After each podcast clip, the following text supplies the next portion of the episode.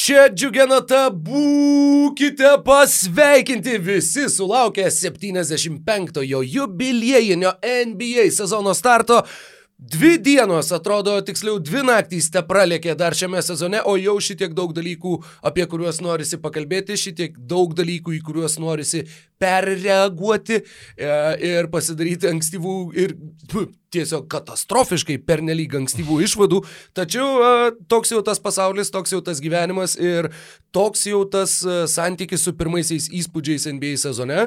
Su jumis Rokas Grajauskas, Mykolas Jankaitis, MBO tinklalaidė pasiruošusi apžvelgti a, pirmuosius įspūdžius ir tuo pačiu atsakyti į basket news patronų klausimus a, bei a, visai kaip smagiai praleisti šį ketvirtadienio pavakarės laiką. Sveiki, sveiki. Nežinau, kaip tu rokai, bet aš vakar jaučiausi kaip e, koks dešimtmetis, tam tikrais atvejais ir koks dvylika metis paliktas vienas namie su penkiais maišais guminukų. Ir tiesiog, kur, tipo, ke, kemšijos be atodairos ir tada viską pradeda skaudėti ir ten viskas tai. Galiausiai pykino nuo NBA ar ne? Ta prasme, kur aš, nu ten, lemba, ko aš, atsiprašau labai, ko aš tik vakar nebandžiau. Aš vakar pradžiai bandžiau įsijungti vienas rungtynes ir taip pažiūrėti tik tai jas. Tada supratau, kad aš taip visą laiką skrolinu, kur kokie rezultatai, nes ten e, Sabonis pradėjo siautėti, žodžiu, ten ir taip supratau, kad labai daug praleidžiu. Tada bandžiau, tipo, įsijungti telikas, kompas ir darbinis telefonas, tipo, toks kombinacija.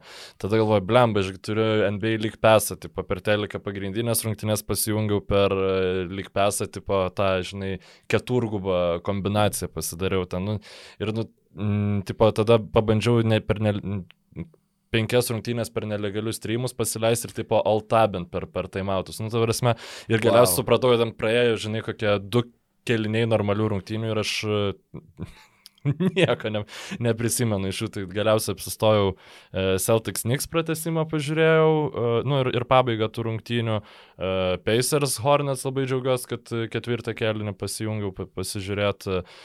Raptors Wizards nemačiau, nieko ne- nepasakosiu, kas ten buvo. Pažiūrėjau, kaip. Valančiūnas šventė savo kontraktą. Brasdeikio ne, netikėta, netikėtai nemažą minučių skaičių ir pirmus du kėlinius e, Phoenix'o Suns ir, ir Nuggets rungtynių, bet ten jau buvo tas jau atbukimo fazė, kur man Mhm. buvo visko per daug. Ir labai, va čia, nežinau, va puikus palyginimas, kai čia vyko beliekiek visko ir, žinai, man taip nunorėjęs viską sugerti ir pa- nepasėmiau nieko, o 19 dieną, 19 dienos e, rytą e, vyko dvi rungtynės ir jas puikiausiai pažiūrėjau, puikiausiai atsimenu, tai dar vienas man argumentas eilinis iki, kad NBA yra smarkiai per daug rungtynių, bet e, nekritikuot, o džiaugtis e, Jo, ši- šitų e, sezono pradžia mes čia susirinkom. Man ta pirma diena, ta atidarimo diena, jinai žinoma, jinai yra iškilmingesnė, jinai e, labiau atrodo kaip ceremonija, kaip įvykis, bet ta antra naktis, kai jau būna tas sukrautas, nežinau, 12 rungtynių tvarkaraštis ir kai pradedi tą šokinėjimą nuo banglentės ant banglentės per skirtingas rungtynes, per pertraukėlės greitai žiūrėti, o ten statistika, blemba, čia įdomi pabaiga, čia ta... Tai va tada jau pajunti, kad, o taip, va. Nu, čia yra tas tikrasis jau NBA. grįžo, Taip, taip, čia yra tas tikrasis NBA, žinai. Tik tai, nu, pagal preferencijas, ar jis čia tikrai geriausia, re, geriausia kas gali būti re, reguliariam sezone, nu, nesvarbu. Reguliariam sezone, kas labai labai nustebino, na galbūt neturėjo tiek labai nustebinti, bet iš tikrųjų nuoširdžiai nustebino ir po to žiūrint uh, kitas ir dar kitas rungtynes, tas įspūdis tik dar labiau augo, tai kokio lygio buvo Milvokio Bucks ir Bruklino Nets rungtynės. Ta prasme, kokio lygio buvo krepšinis komandos iš tiesų žaidė lyg, lyg vis dar atsinešusios iš atkrintamųjų tą, tą formą, tą susižaidimą ir, uh, nežinau, Na, Milvokio ypač palyginus su ten Jo, Lakers, Orlandas tarkim, prieš San. Antonijų arba, jo, jo, e, arba netgi ir taip. E, Milvokio Bucks pirmą kamolį prarado antrą, antro kilinuko vidury. Pirmą klaidą rungtynių padarė čempionai, na, žodžiu, buvo ir tuo pačiu ir Bruklino Nets. Bruklino Nets e, sunkiau startavo, bet vėliau puikiai metė. Jo, bet jie tiesiog puikiu labai taiklumu. gerai pataikė, kad jie žaidė labai aukšto lygio krepšinį, tai žinok, su tavimi Ne, nesutiksiu. ne, nes, aš, aš ir nesakau, aš turiu ne- omeny apie patį rungtynių, apie kompetityvumo lygį ir apie bendrą abiejų komandų lygį ir apie tą panašų bent jau lygį, nors aišku, Baksai buvo aukštesniam lygmenį ir, ir tą, tą atspindėjo rezultatas. Kas man labai patiko Baksuose, na, žinoma, atmet pametus e, Janio ant žmogiškumą, kuris ir toliau, Blokas ir toliau stebina. Jo, blokas Nikui Klakstonui buvo nežmoniškas, vienas dėjimas buvo nežmoniškas, buvo ir e, tritaškis po driblingo, jeigu nesumeluosiu, e, nors vienas iš keturių, tačiau bent vienas buvo. E, kas tikrai, e, sakykime, pamačius tai realybėje pasirodė kaip daug didesnis žingsnis negu kad pasirodė iš pradžių, yra kaip gerai tai komandai tinka Graysonas Alanas. Tai yra tas žaidėjas, kuris labai labai labai tinka va, būtent tam vaidmeniui, a, kurio ir reikia baksam iš savo atakuojančio gynėjo.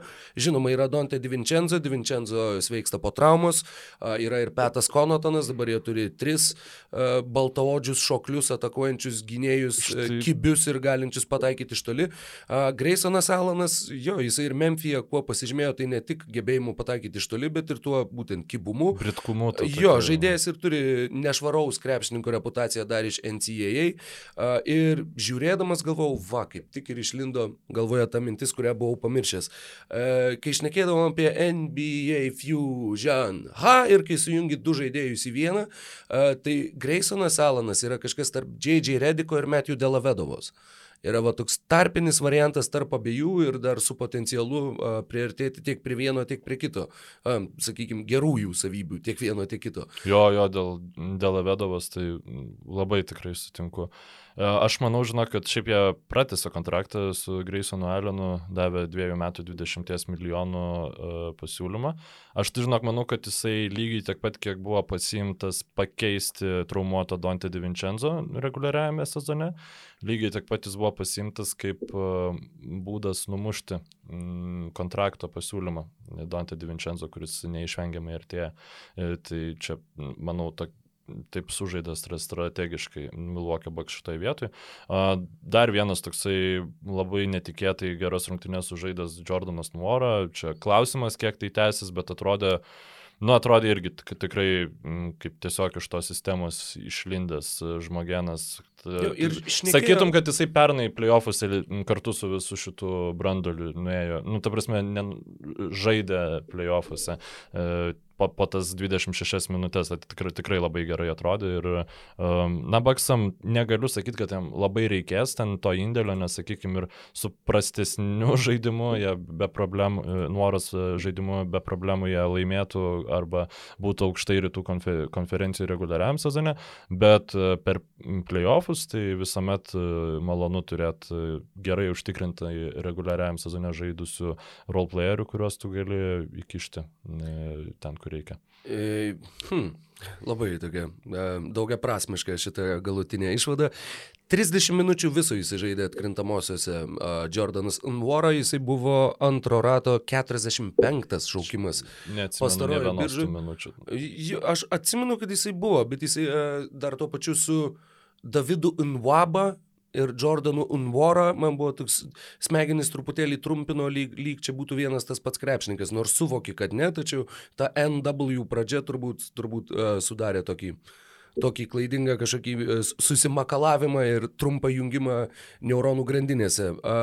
Nvora iš tikrųjų atrodė puikiai ir apie jį ir šnekėjo ir, ir komentatoriai, jog štai Baksai labai daug iš jo laukia, kad būtent iš jo laukia kaip iš uh, taškų rinkiko ir kaip iš žmogaus, kuris e, kils nuo suolo ir galės, galės uh, įnešti dar papildomą dimenciją į komandos polimą. Bent jau pirmos rungtynės iš tikrųjų parodė, kad na, potencialo tam tikrai yra, o tuo pačiu ir, ir jau realybėje šitas 23 metų atakuojantis gynėjas gali būti naudingas ir prieš Bruklino Nets tikrai e, fantastiškas pasirodymas ir 15 taškų ir, ir į save patrauktas e, NBA lygos gerbėjų dėmesys.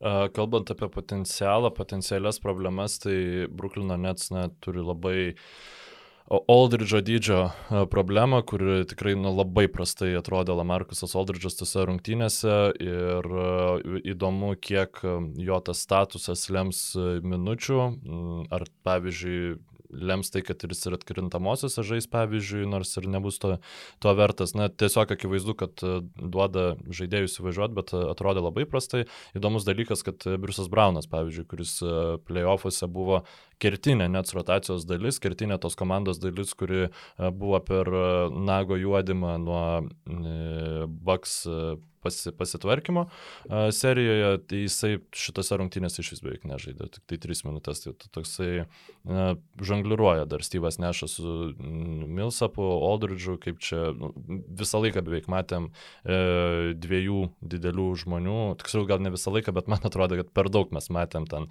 ar Klakstoną su Griffinu, ar Griffiną su Aldridge'u, ar Milsapą su Griffinu ir, ir taip toliau. E, tuo pačiu manau, kad ir varžovų penketas tam tikrai turėjo įtakos. Jeigu, jeigu tu nežaisim prieš komandą, kuri turi Janį Antetokumpo ir Bruką Lopezą aikštėje nemažą minučių skaičių, tai galbūt ir tu neleisim dviejų aukštų ūgių kaip, kaip nu, atsakymui. Tai per playoffs tai, tai jie tai to irgi... nedarė ir jiems tai veikia geriau, nes tiesiog nu, yra, Aldridge'as yra per lėtas, nepaisant to, kad jis yra didelis, yra per lėtas gintis prieš, prieš Janį ir e, kompaniją. Na, prieš Janį niekas realiai niekas negali gintis vienas prieš vieną. Negalim nepaminėti Patty Millso liepsnosvaidžio debiuto.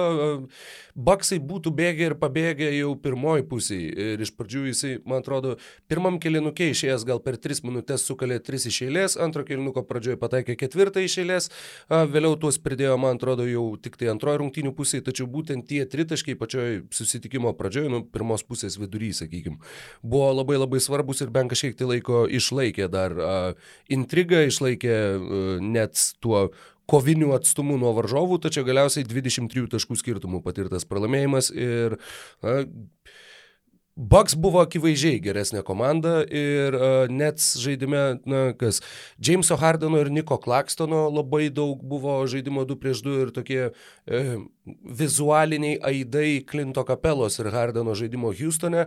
Uh, iš tos pusės pasirodė visai įdomu, plus kad Klakstonas žaidė starto penketę, buvo klausimų, ar, ar jį leis į starto penketą, ar, leis, uh, ar žais žemesnių penketukų Styvas Nešas, tačiau bent jau kol kas Klakstonas komandos pagrindinis vidurio polėjas, rungtynės jam nebuvo labai blogos, tačiau, na, Bucks yra Bucks. Ir dar, kalbant apie pačią įžangą ir pats paminėjai lyg pesą, aš galiu pasidžiaugti, jog taip, pagaliau, aš irgi prisiruošiau, susėmiau ir pagaliau kaip civilizuotas, kultūringas žmogus legaliai žiūrėsiu NBA šitam sezone ir buvau visiškam šokė, nors tu sakai, kad minėjai ne kartą man kažkaip prausis praslydo. Ne kartą per podcastą. 62 eurai visam sezonui visam sezonui ir kada nori, žiūri įrašus, atsisukinėjai, vis, wow, aš įsivaizdavau, kad tai kainuos kokius yra, 300 eurų. Tai. Yra dar plus visi 2000 metų NBA finalų įrašai, uh. kas yra, nu, čia galbūt Nors, kai, va...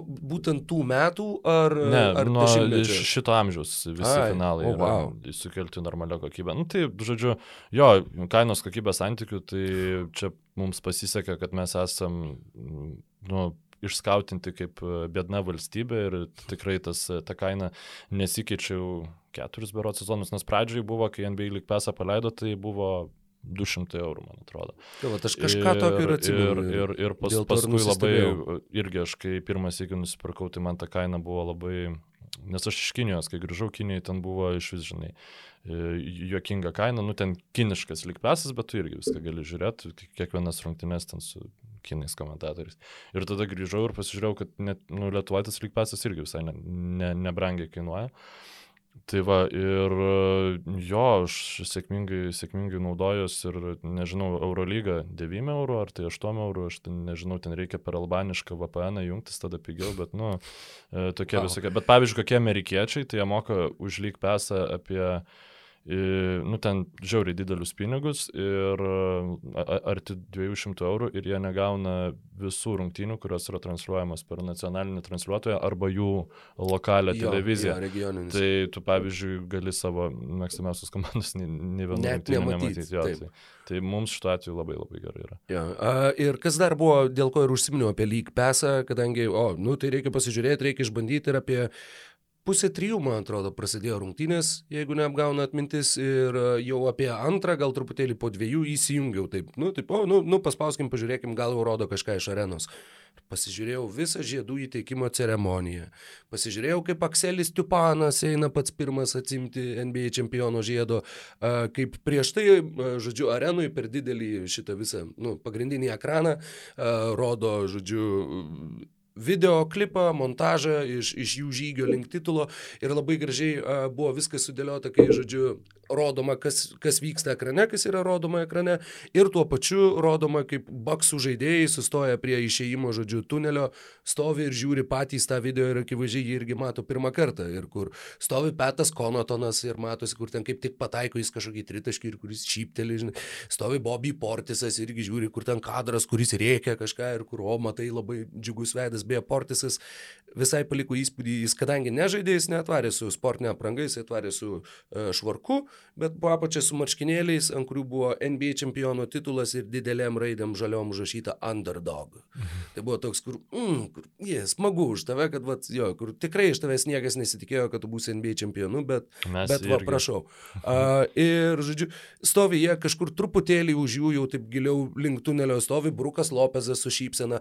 Už jo taip kukliai bando Drew Holiday kažkaip jam pro petį įžiūrėti, žodžiu, iš žemiau, ką ten rodo ir galiausiai už visų, taip jau giliau tunelyje, pasirėmęs į sienelę, taip pečiu stovi Janis su nu, viena tokių, nežinau, nežinau net kaip apibūdinti, suprantamiausių šypsenų, kurias, kurias esu matęs, kur tiesiog tu matai, žiūri į tas akis į tave ir tu nu, tiesiog spinduliuoja tą laimę iš žmogaus ir buvo tiesiog labai labai gražus kadras, kuris labai įsiminė ir tuo pačiu, kad jo, tai irgi tas žmogus, kuris nestovėjo pirmas priekį, bet tas, kuris va, tyliai stovi kažkur tai tunelio gale ir pats vienas savo žiūri ir mėgaujas. Buvo, buvo labai gražus toks uh, simboliškas ir man tikrai su šita čempioniška komanda visada susisiesintis kadras, kurį pavyko pamatyti NBA lyg PES dėka. Kalbant apie kadrus susijusius su buvusiam čempioniškom komandom, tai gal trumpai labai norėčiau e, pasinerti į Warriors Lakers rungtynes. Tai Lakers buvo absoliučiai nuspėjam, nuspėjami, e, bent jau polime, žodžiu, Jamesas su Davisu sužaidė nuostabų mačą. Davisas pelnė 33, Jamesas 34 taškus, abu du tikrai atakavo gerų efektyvumu. virš Šeši iš 50. šešių buvo Lebrono pradžia, atsimenu. Jo, krito jo, jo. Ir bėda ta, kad visi tie šlovinti papildymai, tam, tam, tam tikrose medijų kanaluose šlovinti, kitose labai kaip tik peikti, tai buvo, na, arba nuliniai, arba neigiami ir, na, ypatingai neigiamas buvo Russellas Westbrookas. Russellas Westbrookas neturėjo dar kol kas nie vienų gerų rungtynių už Los Angeles Lakers ir, na, trečias sezonas šeilės, kai Vesburgas labai prastai pradeda sezoną ir paskui kažkuriuo metu įsivažiuoja. Klausimas, ar įsivažiavęs Russellas Vesburgas bus naudingas Lakersam vis tiek išlieka, nes mano nuomonė tiesiog jis žiauriai supaprastina gynybą prieš šitą komandą. Kas mane nustebino, tai, nu, ne tai, kad nustebino. Vieną dalyką apie Vesbruką tik paminėsiu, tai buvo trečias kartas jo karjeroje, kai jisai žaidė bent 30 minučių ir surinko trigubą viengubą. Yra nei 10 taškų, nei 10 kamalių, nei 10 perdavimų ir jo, ir 0 iš 0 baudų per 35 minutės. Jo, ir šiaip ką Lakers darė gerai ir ką aš kažkaip net pasižymėjau, kad net šiaip šiauriai gerą gynybą yra sustatęs Frankas Vogelis, kad net tie žaidėjai, kurie nu, nepasižymi gerais gynybiniais įgūdžiais, Deandre Jordanas, Russellas Westbrookas, jie tikrai uh, su jais, pavyzdžiui, kaip gerai prieš karį gynėsi, Kentas Beismoras atrodė, nežinau, kaip šešiais metais, kokiais jaunesnis, uh, vaikydamasis uh, karį. Uh, aišku, jau kai į aikštę žengė Carmelo Antony ir tada atrado jį savo pick and rollose, tiek Jordanas Pūlas, tiek karį, ten jisai buvo kepamas labai labai smarkiai ir vėl parodė, kad tai, kad žaidėjas ten įmeta e, vieną kitą tritaškį ir turi žinomą pavardę, tai nereiškia, kad jisai yra geras. Žodžiu, ir su šita problema Lakersai labai daug susidurs ir taip, anksti darytis išvadas yra, bet e, kol kas tai, ką matom aikštėje, patvirtina teoriją, kad šita komanda buvo sukomplektuota belė kaip. Ir e, kalbant apie komplektacijas, tai kas, kas man labai patiko iki sezono Golden State Warriors komplektacija, tai beveik, beveik viskas pasiteisino tose rungtynėse. Kari sužaidė vieną prašiausių savo mačų, kokį aš mačiau tiesioginiai televizijoje. Šarlotės Hornets e, rungtynės komentuoja Delas Kari, Stefo mhm. Kari tėvas. Ir kaip tik prieš pat rungtynių pradžią su Pacers, jie su savo kolega e, kažką tai išnekėjo apie tas rungtynės ir Stefo Kari tėvas sakė, sakė, he played like trash and he got a triple double and a win, but he played čia like trash. Ironiška, kad Westbrook Vesbruko rungtynėse e, žaidėjas, kuris surinko trigubą dublį, atakavo į žaidimą 23 procentų taiklumu, buvo ne Russellas Vesbrukas, žinai. Tai, uh, ne man jie Belica, atrodo taip, labai solidžiai tai aš... Golden State Warriors. Ir, uh, jo, apie tą šnekėjo ir Dreymondas Grinas, atsimenu, įstrigo man tai lūtė, kad maždaug, kad aš, aš pirmą kartą pamačiau, ką jis gali daryti, kad jis gali bėgioti su kamuoliu, jis gali varytis, jis gali skirstyti perdavimus ir kur. Jo, make plays, make stuff happen. Yeah. Uh, ir ne man jie Belica tikrai made stuff happen. Ir jo, jisai... labai smagu dėl šito krepšininko, kad jis na, pagaliau ne, ne Minnesotui, ne Sakramente, ne dar kažkur, o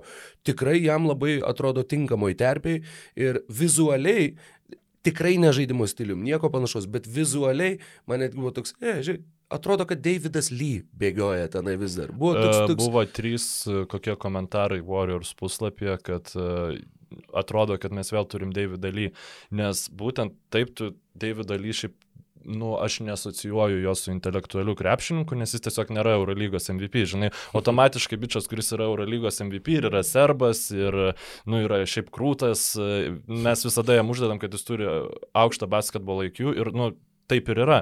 Bet Davidas Lee turėjo žiauriai aukštą basketbol, atsiprašau, krepšinio intelektą ir būtent dėl to, kad buvo tose komandose Davidas Lee, Andrew Bogutas, uh, Dreymondas Grinas. Šonas Livingstonas. Uh, taip, taip. Leandro Barbosa, Davidas Vestas. Žaidėjai, žaidėjai, kurie sugebėjo pasinaudoti erdvę, kurią sukūrdavo aikštėje esantis Kari bei Klejus Thompsonas.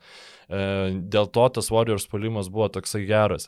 Ir dabar Grinas su Bielica, kuomet yra vienu metu aikštėje, ir aišku, šalia yra Pūlas ar, ir Kari, komandai, komandai net ir Lakers e, gynybinio talento turinčiai komandai yra žiauriai sunku gintis, nes tiesiog tiek Grinas, tiek Bielica labai gerai jaučiasi su kamoliu, Bielica puikiai uh, sugeba ir užbaigti atakas po krepšių, Grinas nelabai, bet uh, jisai na, beveik visada atliks gerą teisingą perdavimą.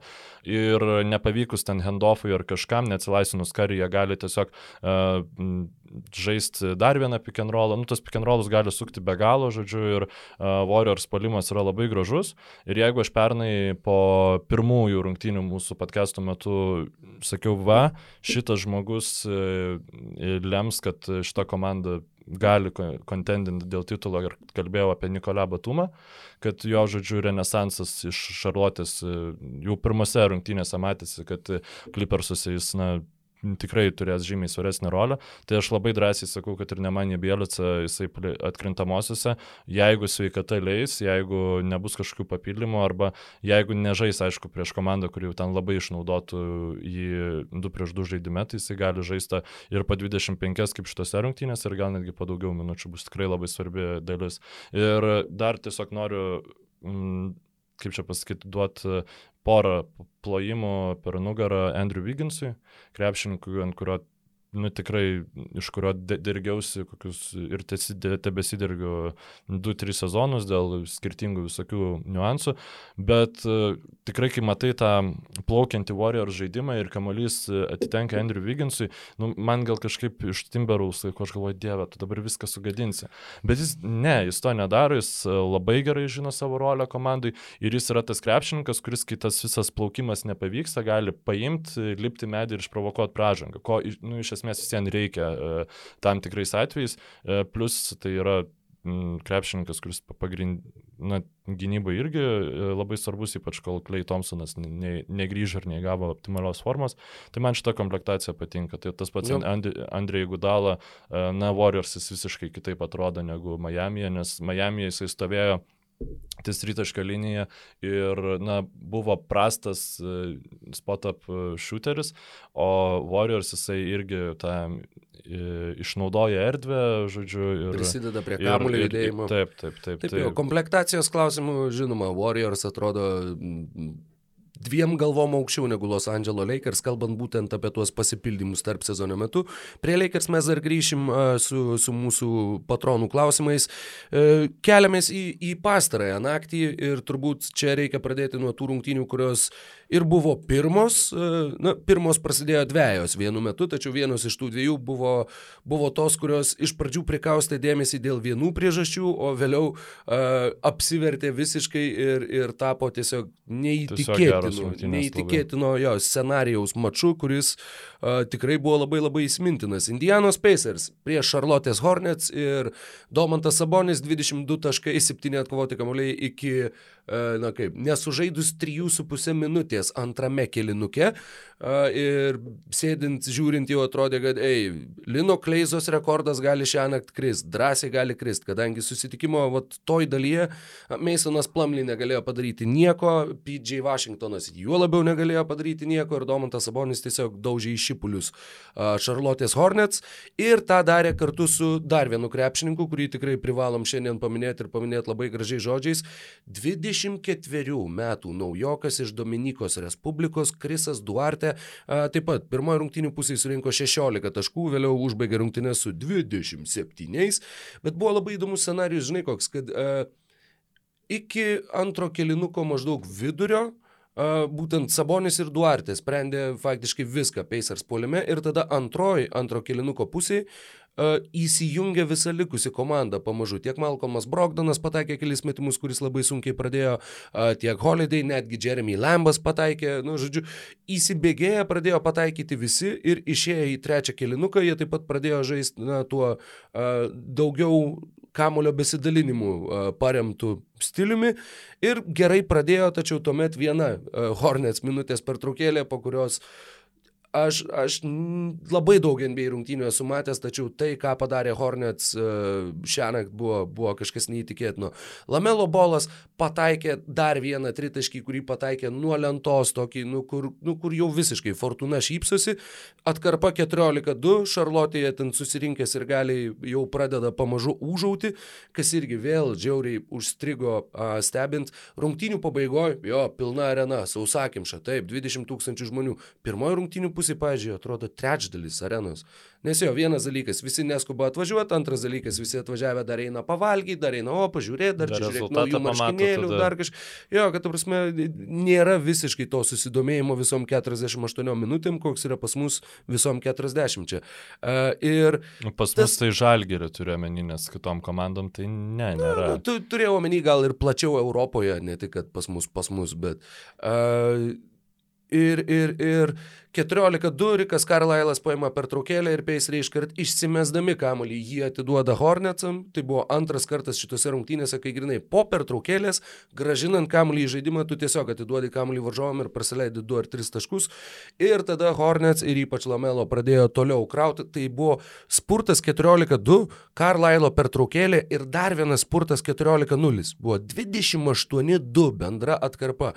Nuo minus 23 Šarlotė išlipo ir persvarė rezultatą ir a, tai tikrai buvo labai įspūdinga. Tiek Gordonas Eivardas, tiek Lamelo Bolas tikrai buvo, buvo fantastiški aikštėje ir vėliau ketvirtame kelinukė buvo labai gražus, dinamiškas uh, rungtinių eigos atžvilgių krepšinis, uh, Hornet susikrovė plus 10, Sabonis smėgė 2-3 taškius, tada Indiana vėl persvarė ir tada rungtinių pabaigoje buvo labai daug chaoso ir apskritai Hornets žaidime buvo labai daug, tai yra tas toks uh, kūrybinis chaosas, kai tu geriausiai jautiesi tada, kai viskas yra, na, taip, bet kur ir bet kaip. Atrodo, kad jie labai gerai reaguoja į tas situacijas ir jie tarsi ir nori įmesti ir varžovus į tas situacijas ir patys žaisti būtent tokiu žaidimo stiliumi ir tas stiliaus primetimas galiausiai būtent va toje trečio kelinuko atkarpoje, kai daugiau negu pusę kelio, man atrodo, peiseriai, nu jo, sukrapštė du taškus, buvo tuo pačiu ir Hornets to tokio chaotiško potencialo iliustracija ir tuo pačiu dar vienas ženklas, jog Pacers na, vis tiek neturi to, sakykime, kai jiems pradeda iniciatyvas lysti iš rankų, jie labai dažnai tą iniciatyvą ir paleidžia. Ir tas buvo ir praeitam sezone, ir šito sezono pirmos rungtynės taip pat tikrai optimizmo pridėti neturėtų, bet tuo pačiu, na bent jau tu tą padarai sezono pradžioj, tu gali su tuo dirbti ir gali iš to lipti ir, ir turėti nuo ko atsispirti savo darbui. Kadangi mes jau tokį gerą pusvalandį uh, įsivažiavom į šitą podcastą, tai aš manau, kad prie šitų rungtynių galim ir kelius klausimus uh, apeit, kurie, tiksliau ne apeit, o e, perskaityti, atsakyti, kurie yra susiję būtent su Domantu Saboniu, jų ganėtinai nemažai buvo. Tai pavyzdžiui, pirmas e, Martino Steimoko klausimas, jei į Pacers atvyktų Bendas Simonsas, na, ko mes jau kaip ir žinom nebus, nes buvo pasirašytas kontraktas su Malcolmu Brogdonu, kas reiškia, kad jo negali iškeisti ir tai buvo kaip ir pagrindinė dedamoji tose mainuose, tai jis jau nebent tiesiai Sabonį būtų keičiamas. Um, tai tikriausiai lemtų Sabonio iškeitimą, pamastykite, kokia komanda labiausiai tiktų lietuviui, gal Warriors ten ir panašiai. Šiaip e, dar vienas klausimas buvo gal JV į Warriors, nu, žodžiu, visi nori matyti lietuvius Warriors, kaip taip, taip, senais taip. laikais parsuose. Žodžiu, e, tada dar vienas klausimas, čia toksai, nes labai trumpas atsakymas, tai šį prijungsiu, Jokubas Bentnorius klausė, kokio, e, kuriam žaidėjui duotume didesnį reitingą NBA 2K ar Saboniui ar Westbrookui, tai, nu, Saboniui, manau, akivaizdu šitą pagal pastarųjų metų metų žaidimą. Uh, tada... Bet irgi mes, mes galbūt ir perreaguojam, uh, atsižvelgiant į tai, koks prasas buvo Vesburgas šią naktį ir kad Sabonis žaidė prieš Šarlotę, kur, kur sakykime, tai yra parankus varžovas Domantui Saboniui dėl jų priekinės linijos visieną. Na, taip, jie pasipildė Meisonų Plamlį, bet akivaizdu, kad Plamlį irgi nėra pajėgus vienas prieš vieną uh, tapti bent jau didesnių galvos skausmų Domantui Saboniui. Uh Na, mano nuomonė, tai Sabonis už Vesbruką žaidžia geresnį krepšinį jau du metus. Tai tokia, aš, aš dėl to ir duočiau jam didesnį reitingą. Žodžiu, um, jeigu įmant vidutinį tą outputą.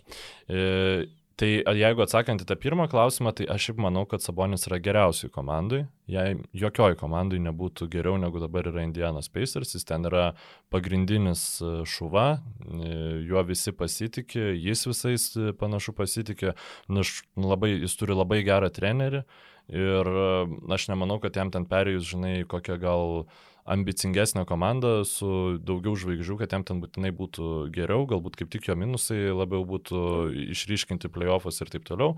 Centro žais centru jisai negali dėl savo minusų gynyboje, e, tai jam reiktų geresnio centro į, partnerius nei Milesas Turneris, aš jam nelabai įsivaizduoju. Na, kur aš jį šiaip norėčiau pamatyti vien dėl Epic, tai būtų Denverio Nuggets, nu, ta prasme, nes su Jokičium, jo, nu, su Jokičium jam būtų žiauri, žiauri, žiauri patogu. E, žaisti tiesiog po polime, ten Jokičius tas e, visą polimą užsuktų, Sabonis galėtų savo po krepšių daužyti visus ketvirtosius numerius, nes penkti numeriai negalėtų jų ginti, nes jie turėtų ginti Jokičių. Žodžiu, ir... Nu, ir man atrodo, kad jie truputėlį truputėlį liptų viens kitam ant kojų pagal tai, ką jie atlieka aikštėje. Bet, nu, bet Jokičius nu, yra toks geras krepšininkas, jis yra pavojingas tiek daug skirtingų aikštelės e, e, vietų ir tokiais skirtingais aspektais, kad jeigu kalbant, aš nesakau, kad Nuggetsam būtų geriau, Saboniui tai tikrai būtų labai gerai su Jokičium žaisti. Nes jisai tiesiog gali ir pajungti domą į žaidimą ir jisai galėtų leisti jam žaisti. Ir visakau, tas pagrindinis dalykas, tas pats vat, ir apie Minnesotą galvojau, kad e, prie Karlo Anthony Townso, Minnesotas gynyba ir taip nu, nėra gera, tai jau ten jokio skirtumo. Karlas nu, Townsas. Nežinau, ar, ar toli tokia filosofija nuvestų. Nu, tai mes nu, gynybai prastai, kur, tai būkim dar blogesni. O kur Minnesota yra nuvedusių dabartinę filosofiją? Vienas nulis. Nepralaimėjo Prieš... ne vienų rungtynių šiam sezone, Taip. iš vienų, kurias žaidė. Taip, tai va, tai čia tokios komandos, apie kurias aš pagalvojau, kad e, visai galbūt jis ten tiktų, bet aš šiaip manau, kad e, Domas yra dabar geriausiai vietoje NBA, kuris gali būti jam jo, dar, asmeniškai. Žinai, dar e, kalbant apie vyriausią trenerį ir kalbant apskritai apie patį žaidimo stilių, Paceriai su Neitu Makmilanu uh, buvo visų pirma gynyba gera komanda. Tavarsime, jų pagrindinė stiprybė buvo jų gynyba, nepaisant to, kad jie lyg ir neturėjo labai ypatingai. Na, Bojanas Bogdanovičius, Domantas Sabonis atrodytų, kad tai nėra kažkokie gynybos specialistai, bet viskas buvo sustiguota, buvo labai aiški sistema, buvo pakankamai mažai improvizacijos tiek vienoje, tiek kitoje aikštės pusėje. Atėjus Neitui Bjorgrenui, jų gynyba smuko iki 14, na, iki tiesiog vidutiniškos lygoj. Ir dabar ateina Rikas Karlailas. Ir įdomu yra tai, kad pastarąjį kartą Riko Karlailo komanda top 10 gynybą turėjo 2011-2012, tai yra sezonas po to, kai Mavericks laimėjo čempionų titulą. Nuo tada jie top 10 gynybos 10 metų neturėjo niekad, bet jie keturis kartus turėjo top 10 polimą. Ir žinoma, su Luka mm. Dončičium, na, tie pastarėjai sezonai, tai labiau Dončičius turėjo tą polimą. Ir šiaip, negu... kai tu starto penketą visada Dirko Novicką turėjai, tai ten irgi sunku, žinai, labai gerą gynybą va, padaryti. Va, va, ir linko truputėlį ir vedžiau, kad tuo pačiu, na, Rikas Karlailas žino, kaip laimėti su aukšto ūgio europiečiu, kuris galbūt nėra labai geras gynyboje, tačiau yra išskirtinis talentas polime. Ir Dirko Novitski ir Tysono Chandlerio duetas, na, žinoma, negalima pilnai lyginti su Saboniu ir Turneriu, tačiau na, kažkokie bent jau prototipai labai labai didelė patirtis ir tuo pačiu labai labai didelis uh, teorinis bagažas. Manau, kad leis uh, Carlailui taip pat. Na, manau, kad Carlailas yra tinkamiausias žmogus, jeigu kažkas gali išspręsti šitą lygtį, kaip Turneriui su Saboniu žaisti kartu, kaip turbonis, kaip sako Pacerių fanai, gali būti efektyvus, tai manau, kad Rikas Karlailas yra žmogus, kuris gali rasti tai atsakymą. Jo, nu, aš tai tiesiog esu Karlailo fanas, šiaip 90 procentų NBA komandų, tai man, aš, aš pritariu tam, ką tu pasakei. Dar čia uh, fucking genius uh, užduoda klausimą, galbūt Saboniui wow. vertėtų prašytis į geresnę komandą mainų. Aš nežinau dėl vertėtų, bet šiaip įsivaizduoju, Sabas ateina pasako, aš nedalyvausiu šitam drylę. ne, aš, aš nežinau. Išmes mane iš treniruotės. Ne, ne. Atsiprašau, Rikai, bet... Ne. Aš noriu į, į komandą, kur būtų kaip ten, kur didesnis social elite sluoksnis, kaip ten Simonsas buvo išsireiškęs, kad kai jį palinkino su Raptors, jis sako, I, I would like to go where there's uh, better social, social elite kažkas tokio, wow. aš, ta prasme, pirmas iki buvau išgirdęs tokią, tokią kaip ir savoką. Tai... Iš ties, wow, įspūdinga. Tai po, po, po truputį galim judėti prie kito e, lietuvių milžino, kuris uh, užsitikrino dar du metus pinigų, 15 milijonų uh, per sezoną. Kas yra įdomu ir ko kaip ir nemačiau parašyta, kad tai kad Jonas Malančiūnas iš tikrųjų gavo Max Max kontraktą, kurį jam galėjo vat, būtent šiuo metu pasiūlyti mm. e, naują mhm. Orleano Pelikans, tai yra Carmelo Antony taisyklė, nes Carmelo Antony 2011 buvo pasidraftintas iš Nuggetų ir iš karto paekstendintas jo, pat, patreinintas, atsiprašau, mm. ir iš karto jo kontraktas buvo pasirašytas naudojantis birdo teisėmis ir po to buvo įvesta taisyklė, kad išsimainius žaidėją, šešis mėnesius nuo to laiko tu negali pratesti pratesti žaidėjo kontrakto daugiau negu, dviem, negu trim sezonam, įskaitant e, jau esantį kontraktą, tai reiškia, jeigu, pavyzdžiui, Valančiūno kontraktas e, dar metus laiko ir 22-23 sezonui galioja, tai jis galėjo tik tai dar dviem papildomim metam pasirašyti kontraktą ir tik 105 procentai gali būti mm. to, e, tos sumos, kurią dabar gauna, tai realiai tokia frazuoti iškart gražesnė, kai tu siūlai kontraktą valančių, nusakai, čia yra viskas, ką mes tau galim pasiūlyti dabar. Ir Jonas pasakė gerai. Ir keli klausimai yra, nepykit dabar vardais neatseksiu kurie klausia, ar Valančiūnas e, ne per pigiai E, pasirašė. Ir... Aš, aš manau, kad tu jau atsakėjai šitą klausimą būtent su, su savo įžanga. Jis galėjo nepasirašyti. Jis galėjo nepasirašyti, bet ar tikrai kažkas jam būtų siūlęs daugiau negu 15 milijonų kitą vasarą? Aš manau, kad jis kaip ir vertas yra daugiau negu 15 milijonų, bet su tais centrais yra, nu, tu gali likti e, prie sus...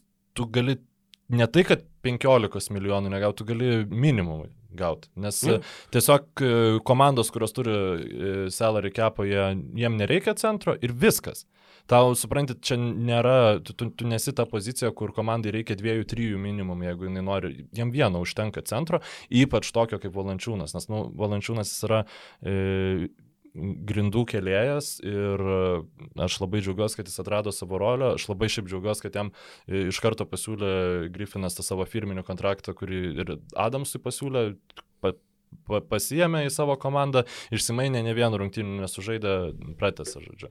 Tai ir šitas kontraktas aš nemanau, kad padaro Valančiūną labiau neišmainomą ar panašiai. Tai yra...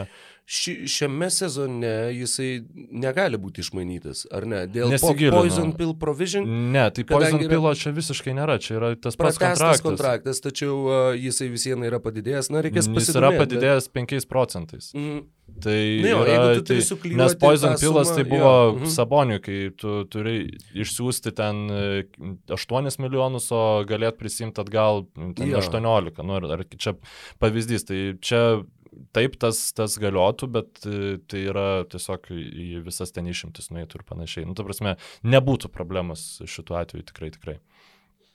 E, Dar vienas toks e, statistinis pastebėjimas Davido Fisherio iš Twitterio. Nežinau, kas yra Davidas Fisheris, bet jisai atkreipė dėmesį, kad e, pernai Valančiūnas buvo penktas rezultatyviausias lygos centras po Embido Jokičiaus Vučiovičiaus ir Adebajo ir buvo trečias visoje lygoje pagal atkovotus kamuolius po Rudy Gobero ir Klinto Kapelos. Dabar jisai bus vienuoliktas aukščiausiai apmokamas centras lygui.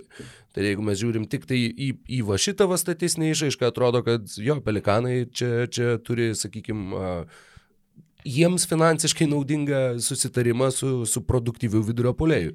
Žinoma, ne viskas yra matuojama pelnamais taškais ir atkovotais kamuoliais, tačiau a, tas, tas kontraktas a, belieka pasveikinti Joną ir tuo pačiu lygiai taip pat, kai jisai buvo iškeistas į Memphį, lygiai ta pati buvo situacija, kur iki sezono pradžios galvom, kur, mm, bet kaip čia bus ta Memphį, ar čia jo Ir reikia, tada ar nereikia. pasirašė Ir tada pasirašė ir dabar su Pelikans identiška situacija, kai irgi lygiai taip pat vos spėjai pradėti galvoti, kaip čia kas gali būti, pokšt kontraktas yra pasirašomas. Bet čia yra, ką tu gauni, kai tu esi normalus žmogus, kai, tu, kai apie tave niekas lygai neatsiliepia neigiamai, visi, ta prasme, tas pats Hollingeris, pavyzdžiui, kai kalbėjo apie šitą kontraktą, pirmi žodžiai, čia uh, Hollingeris tai yra žmogus, kuris pastoviai stumia uh, ant to, kad Sabonis yra pervertintas ir jis buvo vienas iš uh, Grizzlies senosios val, vadovybės narių.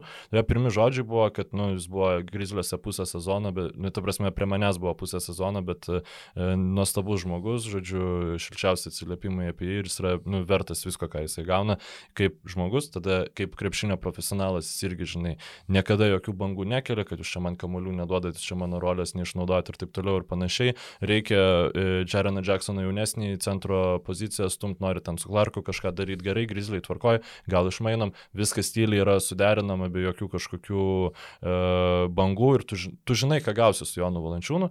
Ir tokių krepšininkų lygų yra daugiau, jie gauna kartais, iš, pavyzdžiui, galbūt Mėsonas Plamlė irgi yra kažkas panašaus, kur kartais va, iš šono žiūri, plemba, nu kodėl jam vis komandos vis e, nori tiek mokėti, bet e, tas pastovumas tiek charakterio, tiek e, šiaip Jonas yra pakankamai fiziškai patvarus krepšininkas, tu, tu, ten, e, tu žinai, kad iš jo gausi 70-80 rungtynių, gal netgi per sezoną, tai tas irgi yra labai svarbu. Tai aš manau, kad čia yra geras kontraktas.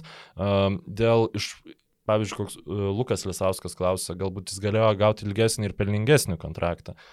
Nu, aš manau, Jeigu kad... būtų laukęs vasaros. Vat šita informacija, Ati- kurią tu paminėjai ne, ne šitos, pradžioje. da, jo, ai, iš, iš pelikanų, taip. Bet Jo. aš, aš manau, kad tokiem centram nu, e, bijo, šiaip e, Eitonui bijo penk, penkis metus duoti. Tai ką kalbėti apie Joną Valančiūną. Tai aš manau, kad viskas yra ok ir jeigu Jonas toliau taip varys, gal dar tokį kokių dviejų metų, nu, tvarsim, čia milijonų garantuotų pinigų čia yra labai gerai. Nu, Vieną tikrai mačiau gerą ir mačiau, jog ir a, Facebooko grupėje dėmesio sulaukusi, net ne klausimą, turbūt labiau kaip uždavinį, Titas Skuodas. Mums, mūsų prašo sureitinguoti mm. šituos teiginius nuo labiausiai tikėtino iki labiausiai neįtikėtino arba mažiausiai tikėtino. Teiginiai skamba šitaip. Teiginys numeris vienas. Houstono Rockets patenka į atkrintamasis. Teiginys numeris 2. Benas Simonsas lieka 76ers iki sezono galo.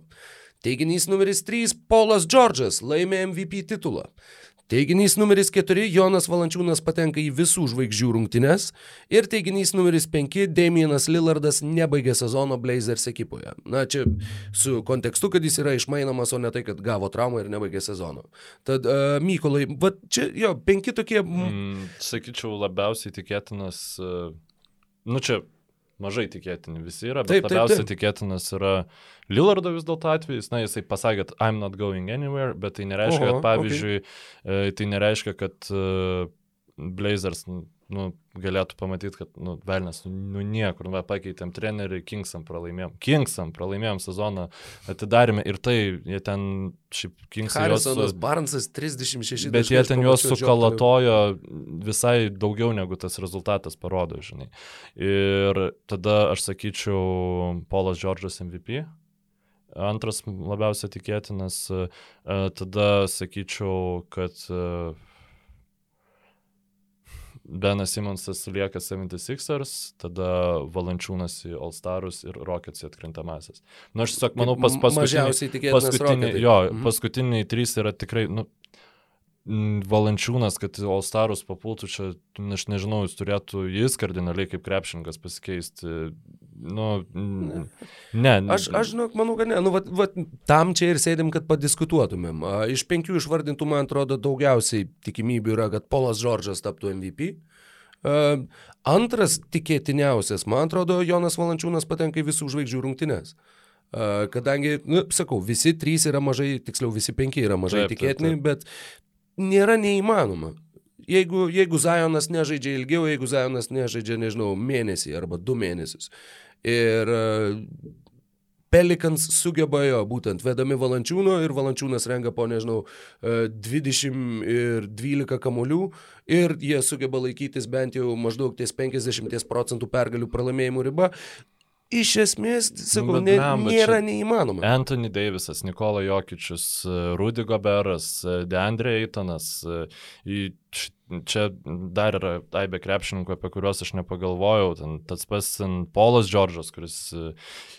Aš tai matau kaip absoli, absoliučiai neįmanomą variantą. Man tai yra tiesiog aš daugiau matau atveju, kad Sixers, sak, tipo, susėstų su Simonsu ir sakytų, nu blemba, nu niekas tavęs nenori, nu davai tu būk normalus, nes tu tiesiog pinigų negausi. Ir jis tada ten tiesiog po nežinau, ant suolo prasėdi visą likusį sezoną, bet Sikserių nepalieka. Nu, aš matau labiau tokį variantą, kad niekam nesugebės iškišti e, Simonso Filadelfiją, negu kad Jonas Valančiūnas tik tam taptų visų žvaigždžių. Aš, nu, žinai, kaip e. Ne, ne pirmų, sakykime, kaip čia pasakyti, ne pirmų pasirinkimų, kažką tai traumuotą pakeisdamas, Sakau, tai yra įmanoma. Benas Simonsas, kad liktų Filadelfija iki sezono galo, irgi įmanoma, bet nu labai vargiai. Nes, nu, tiesiog... nes tokia situacija yra nenaudinga anei Simonsui, anei Sikseriam. Ir nu vis tiek kažkuri pusė bus suinteresuota. Sikseriai nesėdės, kad, ai, nu tai mes, nu tai gerai, žinai, negavom čia tokių pasiūlymų, kokių norim, nes mes norim superžvaigždės, tai tu metus pasėdėk ant suolo ir mes tada, žodžiu, kitais metais jau galbūt bandysim kažką daryti. Labai sunkiai įsivaizduoju. Ne, jiems visiems reikia galvoti apie titulus dabar. Žoelis Embidas neina jaunyn, jiems reikia išnaudoti jo piką, jiems reikia uh, papildymo ir reikia, reikia išspręsti šitą situaciją. Man tiesiog atrodo realiau, kad Sikseriam niekas nepasiūlys varianto, kuris nebus pasityčiojimas negu kad Jonas Valančiūnas žais e, visų žvaigždžių. Ne, nežinau. Tai yra krepšininkas, apie kurį niekada nebuvo svarstoma. Porą šaukimų. Apie... Jo, nebuvo, nu bet. Nu bet. Tai jis niekada ir nežaidė taip gerai. Bet kodėl Blazers turėtų duoti CJ McCollumą, Covingtoną ir porą šaukimų? Už... Jie siūlė už Simonsą šitą, siūlė, kiek, tai kiek teko girdėti, bet Filadelfija atsisakė. Jo vertė jau dabar, krito tik tai. Jo, jo, dabar, dabar jau va, kad būtent. Ne, šiaip Sixeriai prašo e, Makolumo ir trijų pirmo rato šaukimų ir Blazeriai atsisakė. Ir, e, ne, tai Nežinau. buvo tas variantas, kur buvo Makolumas, trys pirmo rato šaukimai ir trys apsikeitimai, nu kaip Hardeno mm. mainuose. A, o o Sixeriai, tai yra, atsiprašau, Blazeriai siūlė jo su Covingtonu ir su Pora Berots, tik tai pirmo rato šaukimu, kas, kas e, Derilo Mori nesužavėjo. Tad e, jo, baigiantis šituo klausimu, labiausiai tikėtinas Džordžo MVP, antras labiausiai tikėtinas JV visų žvaigždžių rungtynėse, trečias labiausiai tikėtinas Lillardas nebaigė sezono Portlandė, turbūt taip. Ir tada ketvirtas labiausiai tikėtinas Nu, aš manau, kad netgi... Nu, ne. Nu, tikrai, ne, ne, ne. Visaip, visaip norėjau įžiūrėti Rockets. Nu, o galbūt, o galbūt, žinai, o galbūt Rocketsai išsitreidina Beną Simonsą ir, ir tada su juo patenka į atkrintamasis. Manau, kad ne, vis viena jo. Įskaičiuojant mainų tikimybę yra didesnis šansas, kad Rocketai išeitų į atkrintamasis, negu kad Simonsas liktų iki sezono galo Filadelfijai. Kardinaliai nesutinku. Dėl to, dėl to mes čia tikrai nedarys nieko, kad papultų į atkrintamasis šį sezoną. Ne piršto nebus pajudinta, nes juos labai tenkina šitą situaciją, kurioje yra Ja, dabar. be abejo. Ir Bet- nedaryti nieko yra lengviau negu daryti kažką, o Sixeriam reikia daryti kažką. Dėl to pas mane ir yra kitaip. Nu, gerai, važiuojam kitur. Ar Westbrookas pabaigs sezoną e, Lakers ekipoje, Karolis Jankauskas klausė. Aš... Tuo, e, tuo pačiu aš norėjau dar vieną prijungti prie šito, kadangi labai labai lygiai tą patį palyginimą buvau sugalvojęs, bet dabar nematau, kur pala. E, įveskime į paiešką. Ne, ne, čia 0 A nosinė, U nosinė, o 2017. E, štai, Davidas Klusavičius, Klušavičius, nežinau, ne, be lietuviškų raidžių bijau sumeluoti. E, sako, ką manot apie tai, kad nepasiteisinus Lakers senukų projektui, kama- komanda gali būti ištaškyta, panašiai kaip nutiko Clevelando Cavaliers 17-18, jei neklystų iki mainų uh, lango užsidarimo. Galvoju, kelinti tai iš tikrųjų buvo metai. 16 jie laimė titulą ir tada dar vieną sezoną. Jo, 17-18, kai buvo Kairi Irvingas iškeistas, buvo to sezono pradžia. Jo, ir kai buvo taip, komanda su Isaiah Thomasu ir Deriku Rauzu ir Dveinu Veidu ir uh,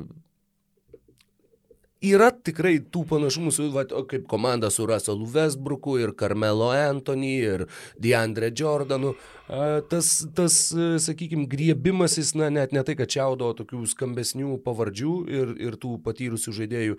Jo, vieną kartą jau a, Lebrono Jameso komplektuojamoj komandoje nepasiteisino ir, ir šį sįkį, sakau, ta, ta paralelė tikrai pasirodė panaši. Šitą. Jo, e, tik tai skirtumas tas, kad bus šitą komandą ištaškyti yra neįmanoma. Nes tu turi, nu, jeigu atsiras trečia komanda per tris sezonus, ketvirta per keturis tiksliau, e, kuri patikės, kad Russellas Westbrookas yra tai, ko jiems reikia, Nu, tai aš e, tada esu įsitikinęs, kad e, jeigu būčiau turėjęs blatą ir būčiau papuolęs... e, Davidą? Ta, taip. E, ir būčiau tapęs NBA GM, kokios nors komandos, aš nebūčiau blogesnis negu tam tikra dalis. Nes, nu, čia yra neįtikėtina. Jeigu... Žinai, kokį aš tik tai vieną įsivaizduoju, nu, sakykime, pa, paaiškinimą. Jeigu tai yra franšizė, kuriai nužudbūt mirtinai reikia parduoti daugiau bilietų. Kas panašiai ir buvo su Washingtono Wizards. Ir, ir jiems tai pasiteisino. Ir Jiems lygiai taip pat. pasiteisino, nes jie išmainė. Ne, bet taip, bet jie pardavė daugiau bilietų, jie išėjo į atkrintamasis, jie, ta prasme, jie tą, sakykime, finansinį aspektą, aš manau, kad jie tikrai pa, išpildė. Ir jeigu tai būtų, aš nežinau, koks nors, nu, kažkas, Orlandas, Minnesota, ar net, turbūt tokių net nelabai ir yra variantų, Sakramentas, na, žodžiu, kad įmanoma, kaip ir įsivaizduoti, va būtent sakau, tai yra vienintelis galimas motyvas, dėl ko kažkas bandytų pasikviesti Westbrooką, yra va tas, kad ei, mums reikia uh, pri, pritraukti pasturgalių į tas uh, kėdės arenui, kurios šiuo metu stovi tuščios. Mm, Bet Ne, ka, ka, aš tai siūlys... manau, kad kažin- Westbrookas nepritrauktų tiek, e, ta prasme, bilietų, kad atsipirktų tas arkliškas jo kontraktas. Nu, ta prasme, nema, nemanau, kad e, ta prasme, yra pasaulio komanda, kuriai tai atsipirktų. Ir yra vienintelis žaidėjas, kurį tu realiai gali išmainyti ir gauti už jį kažką šitoje komandai, atmetus Lebroną Jamesą ir Anthony Davisą, tai yra Taylonas Hortonas Tuckeris, visi kiti krepšininkai yra tokiais kontraktais, kur Deandre Jordanas nėra mainomas, jis yra atleidžiamas ir jis yra pasiemamas Taip. kitos komandos. Tas pats su Carmelo Anthony, tas pats su uh, Ražonu Rondo ir, nu, Ražonas Rondo te- teisybės dėliai buvo išmainytas praėjusią sezoną, bet E, tikrai labai, labai sudėtingų situacijų yra Los Angeles Lakers ir aš nematau, kaip jie. Nebent e, vėl bus, nežinau, ar Kevinas Love paliuosuotas, ar panašiai, dar vieną Jo, pensininką jo, vat, pasiimti. jo, E, pensininkų papildymų dar bus, aš taip- manau tikrai. Los Taip Andžele. išdaužyti, kaip va tada Cavaliers buvo išdaužyti, nes ten ir Veidas buvo su... Mhm. Ne, Veidas buvo be kontrakto, bet e, buvo, ta prasme, žaidėjai su normaliais mainomais kažkokiais kontraktais, tik tai tiek, kad jie buvo senesni. O čia jau yra e, grinai minimumu prigrūsta ir tie trys arkliški. E, tai nieko Lakers negali padaryti, jie turi tiesiog kažkaip e, padaryti, kad veiktų šitas sudėtis. Tai čia Lebronas ir Deivisas turi tą padaryti. Ir Vogelis, žinoma. Su šituo, e, kaip paminėjai, vienas tik tai atminimas išlindo truputėlį ne į temą, bet panašus labai kontekstas. Aš tik tai šią naktį atkreipiau dėmesį į Čikagos Bulls atsarginių žaidėjų suolą. Nes jie moka tiek daug pinigų Derozanui Vučevičiui, Bolui Lavinui, kad pas juos nuo suolo, nu, aš dar tuo atsidarysiu, galbūt kažkas buvo traumuotas, galbūt kažkas tai tiesiog nežaidė, gal aš kažką tai pamirštu, bet, bet tuo, uh, Tony Vreliai, Troj, Trojus Braunas nežaidė dėl kažkokių priežasčių, bet tai yra, nu, gerai.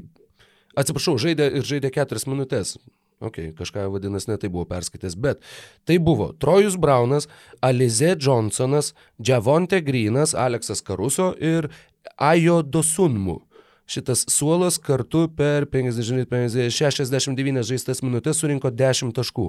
Ir apskritai tai yra žaidėjai, kurie, na, irgi net, net ir mainų vertės kažkokios, net metus Karuso ir Troj Brauną galbūt, net nelabai ir turi. Ir uh, tai ir yra va ta problema, su kuria panašiai susiduria iš esmės ir Lakers, kai tu turi kelis labai didelius kontraktus ir tu negali skirti tokių tų vat, dešimties milijonų Greisonui Alanui ar, ar e, nežinau, penkiolikos milijonų Jonui Valančiūnui, vat, to jie galėjo kontraktų. Denelį Taisą, jie galėjo pasilikti šitoj komandai.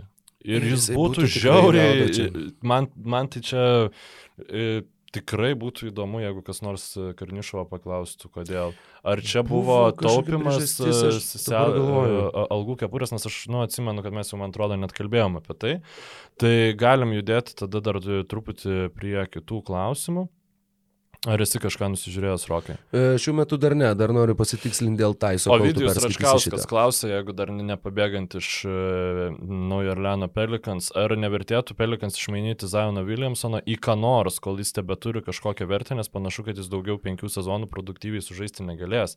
Ir čia šiaip labai yra įdomus klausimas, nes tiek kalbam apie jo fizinę kondiciją, tiek reikia prisiminti, mm, kad na, ganėtinai nemažai vis yra išreiškiamų nepasitenkinimų iš Zajono stovyklos, vis kažkas nulykinama yra, kad ten nelabai patinka ir panašiai. Ir aš manau, kad e, įmanoma būtų kažką gero gauti už Zajoną Williamsoną. Tikrai ne, nu, ne visos komandos sakytų, oi ne, mes nenorim su juo prasidėti. Benas Simonsą pavyzdžiui. Ir klausimas, ar ne, neliks Pelikans tikrai prie... Galbūt pirmiausia reiktų atsakyti, ar Zionas Williamsonas, Pelikans, e, nu, ar liks prie suskilusios geldos, naujas Orleanas. Čia mes grinai apie sveikatą šnekame. Apie sveikatą arba kad e, jis norės išeiti iš tos komandos, kai tai galės.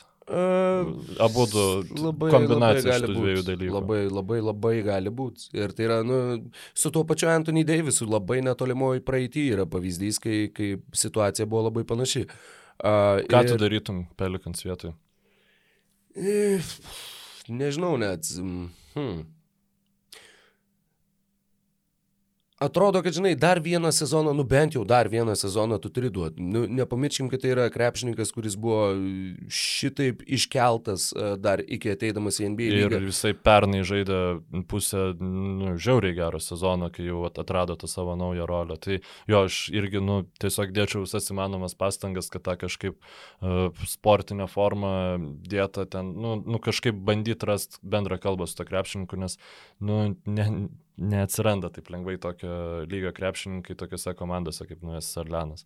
Jau, ir jau investuoti labai daug į savo, nežinau, medicininį personalą ir ten e, kokius nors vudų daktarus, dar kažką, kad na, nauja Morlenė beje pakankamai populiaru, kad kažkaip išlaikyti tą žaidėją sveiką, kadangi Tai tikrai yra labai didelis klausimas. Beje, Davidas Griffinas, kad Zajonui buvo atlikta operacija ir kad jisai praleis sezono pradžią, pasakė likus gal mažiau negu savaitę iki sezono pradžios. Kad buvo atlikta operacija, jisai sakė prieš tai, bet sakė, kad bus pasiruošę sezonui.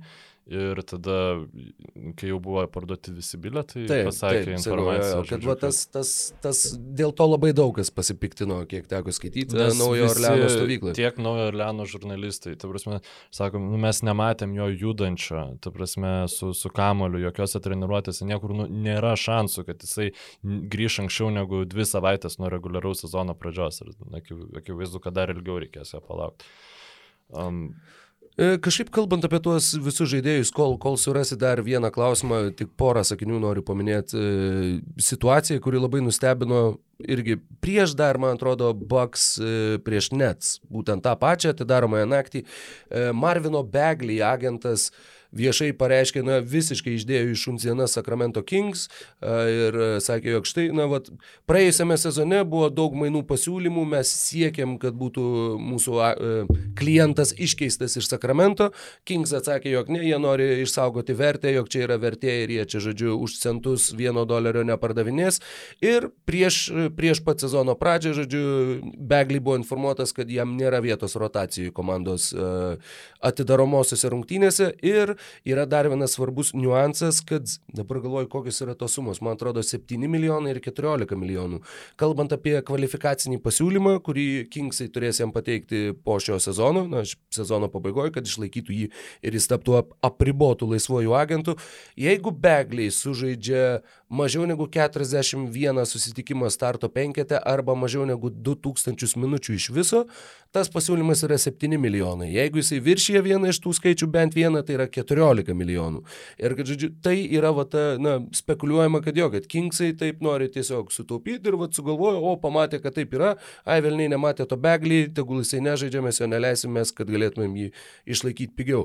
Tiesiog su Nerlensu Noeliu čia kažkurį sezoną panašiai darė, atsimenu. Nu irgi tas buvo, kad, žodžiu, neleido, kad e, neužkeltų. Tai čia kaip e, šitas Mo Harklesas kažkada, kai ne, nemetė metė tritaškių paskutinės gal 10 Portlando sezono rungtynių, nes jo buvo lygiai, lygiai, lygiai, lygiai procentas tiek, kad būtų tau numatyta. Čia tas pats sezonas, tarp kitko. Bet uh, aš tai manau, kad net ir už 7 milijonus tie beglį nenorės pasilikti. Tiesiog ne, neįsivelka niekaip. Tristanas Thompsonas va, geresnis tikrai yra krepšininkas už jį.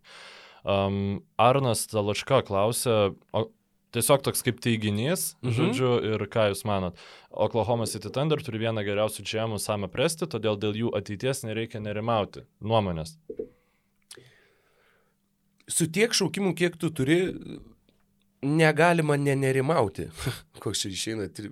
ne, dvigub, ne, trigubas neiginys. Nu, žodžiu, e, ne, negalima rymoti, rimauti, e, jeigu, jeigu turi tiek daug šaukimų. E, aš iš karto atsimenu Semo Hinkį situaciją Filadelfijoje, kai jie irgi, jie sakė, Semo Hinkį citata buvo, kad mes norim visų šaukimų kad, žodžiu, kad mes iš visų, žodžiu, galėtumėm rinktis ir, na, viskas ten galiausiai baigės taip, jog ir pats Hinky buvo praspirtas iš komandos nu, dėl NBA pasipiktinimo. Klausimas, bet... jeigu būtų jo nepraspyrę, aš manau, kad nu, tokią nuojautą turiu, kad Sikseriai būtų geresniai dabar situacija. Jo, jo, ne, nes atėjęs Brianas Kolangelo tikrai nepriemė gerų sprendimų. Bretas Braunas su Eltonu Brandu ten kaip yra būdų vienu metu. Feilino irgi. Visiškai mas. buvo prasti sprendimai. Su Harriso mainai, uh, Horfordo.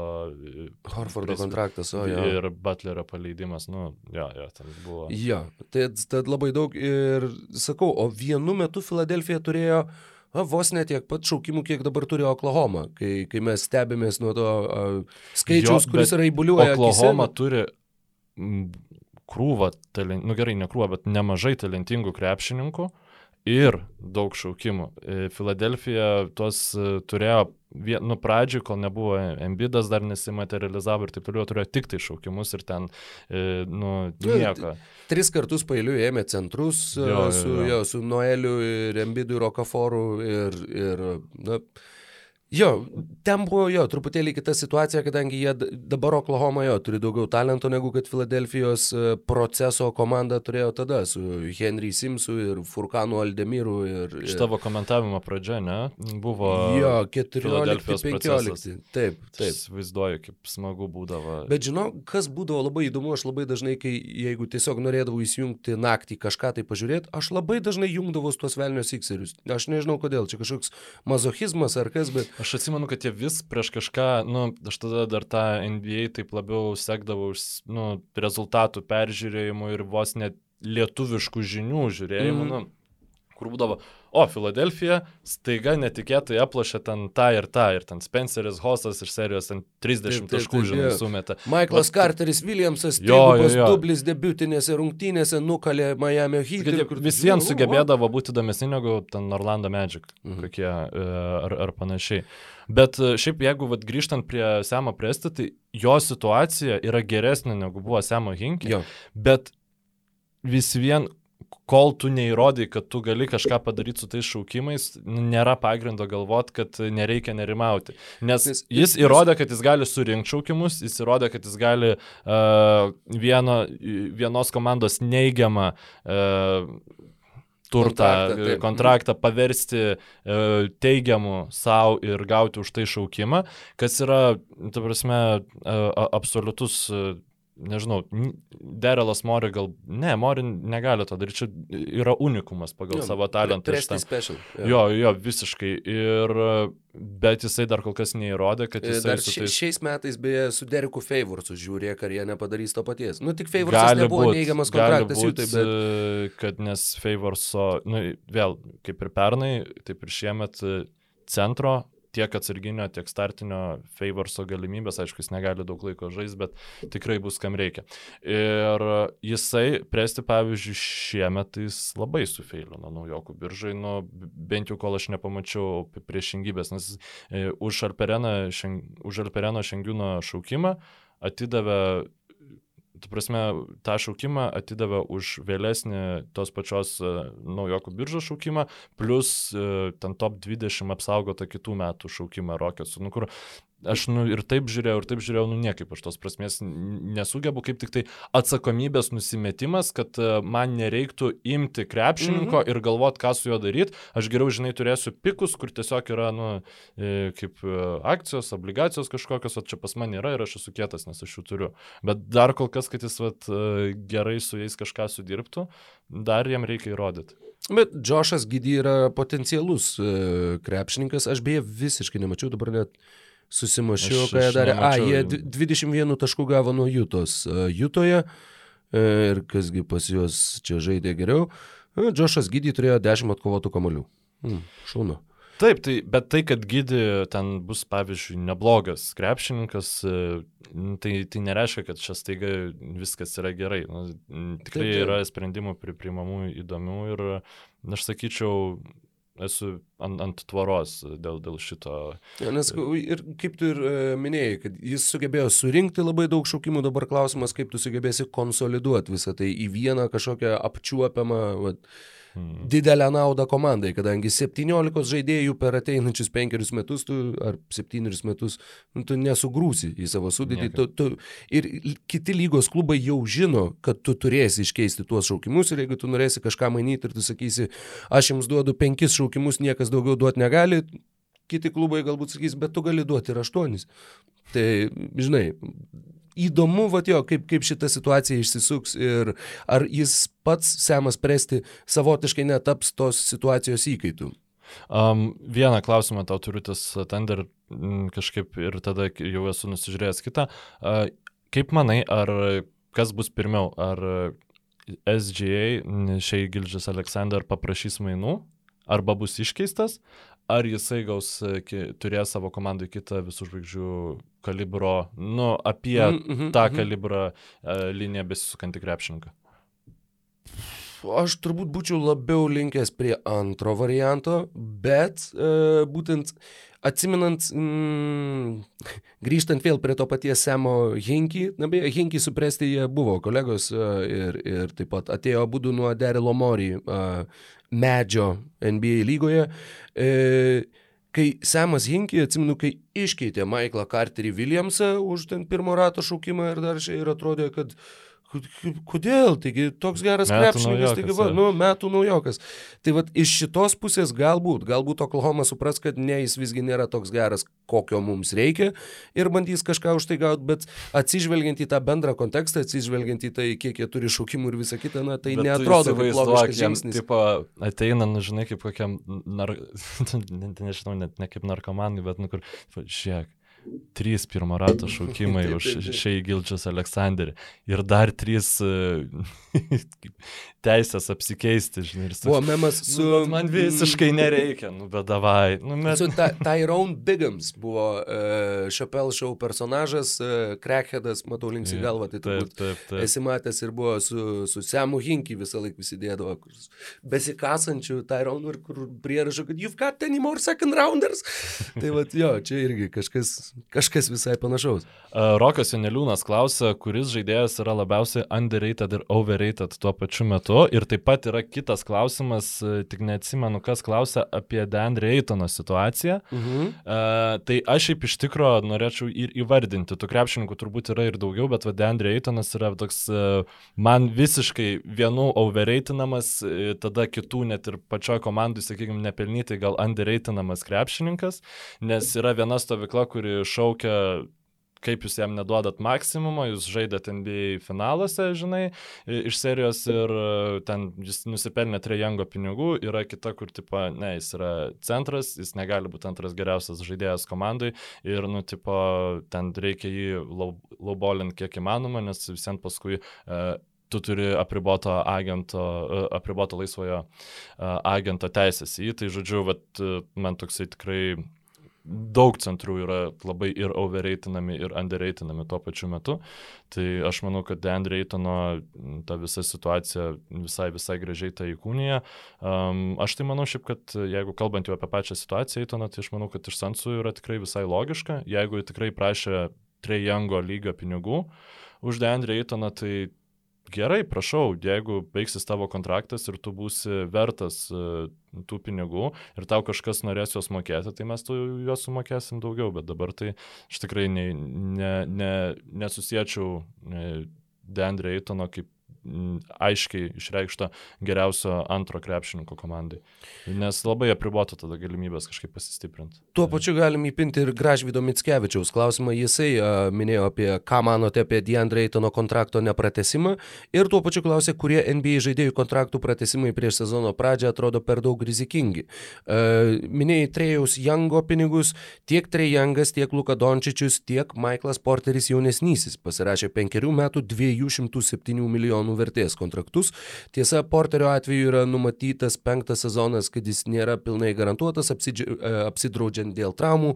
E, Panašiai kaip ori originali versija beveik to buvo Embido pirmas kontrakto pratesimas su Filadelfija.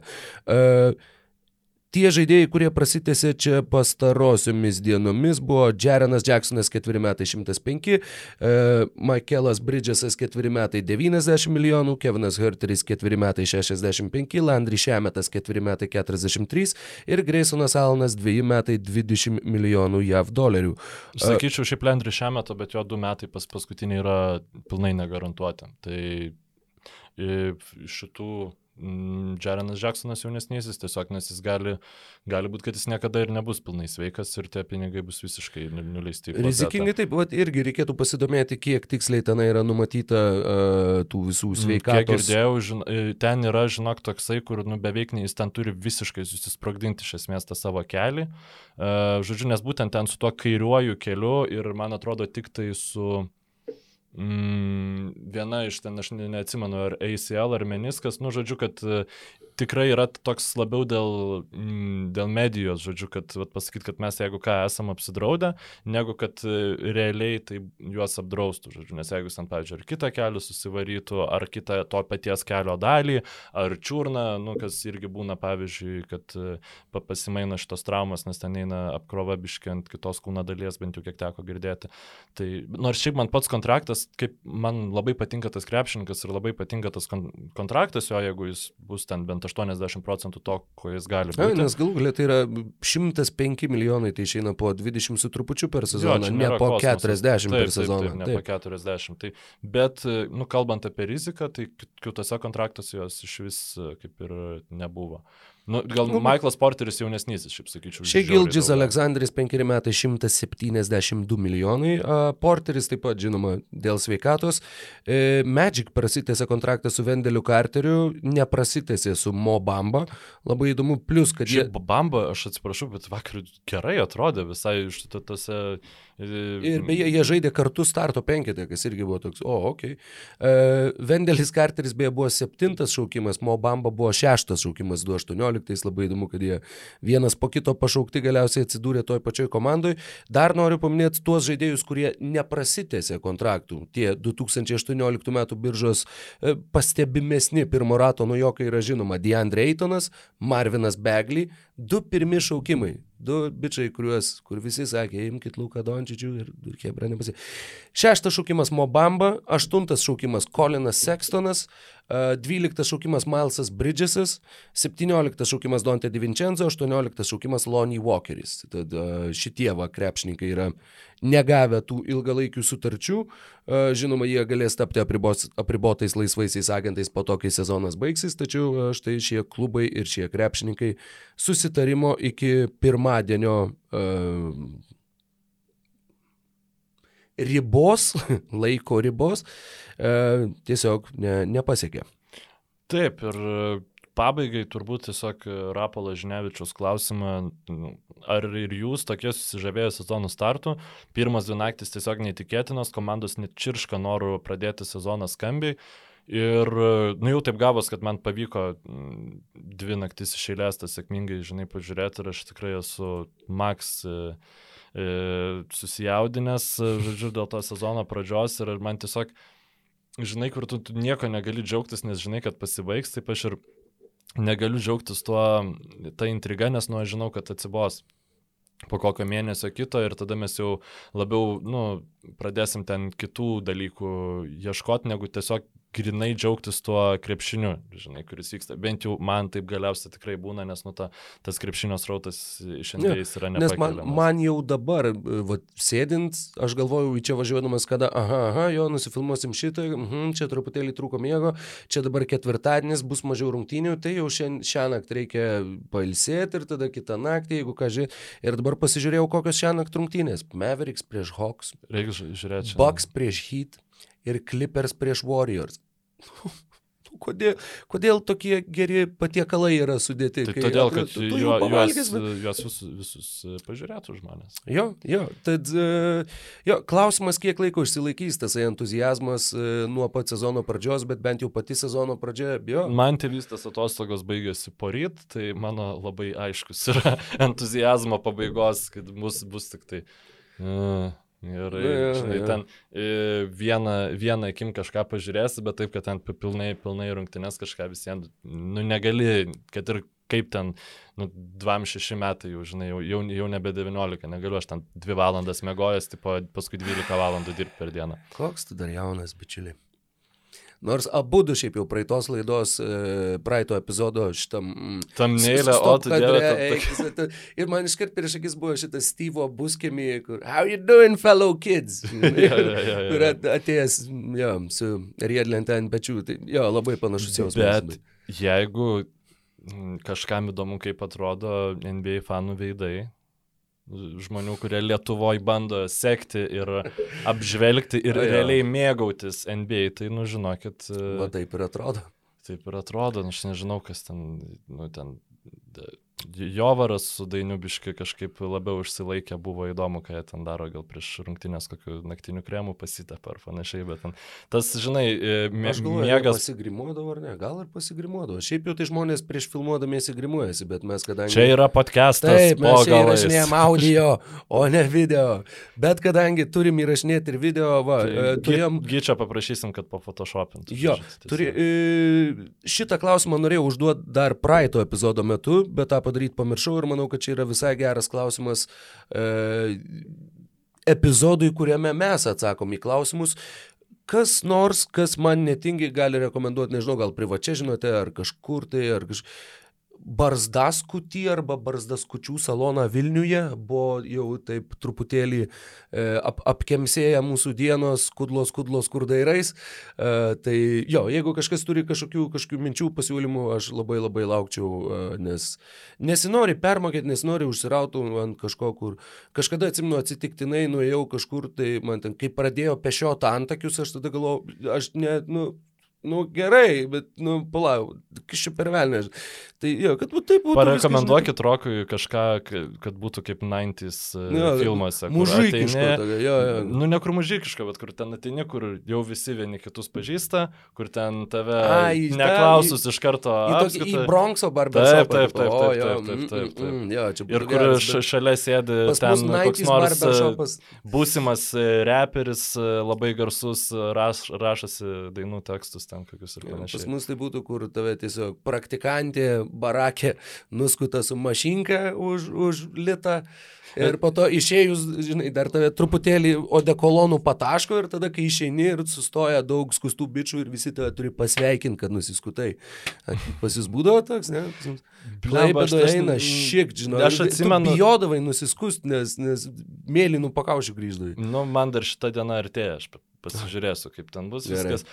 Bet šiaip tai iš asmeninės tų kirpyklų ir barberių patirties, tai galiu pasakyti, kad yra, n- nėra aukso vidurio. Yra arba tu ateini ir tu jautiesi nejaukiai, nes tau atrodo viskas čia pernelyg fancy, net ne dėl to, kad tau nugaila mokėti ten pinigus būtų, bet, nu, tipo, nu, Lemba, nu, to čia ten... stiklą viskio, žinai, kur Taip, taip, taip, stiklu tipo, viskio, ir- čia, pla- Jo, jo, jo. Tau jo. plauna galvą, tu laikai tą viskį visas Tai nustebęs. va, arba šitas, arba kur tu atini ir tu jauties žiauriai kaltas, kad tu čia atėjai, tu ten sugadinai dieną, tai... Nes aš kažkaip, kai vėl, va, nu, Kinijoje tai yra super, žinai, ten yra pigi darbo jėga, ten tau ten gal, galva išplauna prieš, per ir po, žinai, visko. Vaikai ar... Ne. ne. Bet taip, po to galvojau, viskas, baigėsi mm, mano Katino dienos, grįžtų, gyvenu ant takelnį, tai pasinaudosiu gyvenimo rajone privalumais, mane už penkis e, ten eurų zizitą apkirps ir bus gerai, nu, lemba, ne, nėra gerai, skauda pirmiausia, kai kerpa, aš niekad negalvoju, kad gali realiai skaudėti, bet ten kaip pasiemu tą galvą tavo kaip, kaip kokį, žinai, kuprano garį, tipo, šeria, tai va. Ir tu dar supranti, atini ir šiandien, gal gali taip ir... Nu, žinai, toks, tai pas mus rezervuotis reikia, žinai.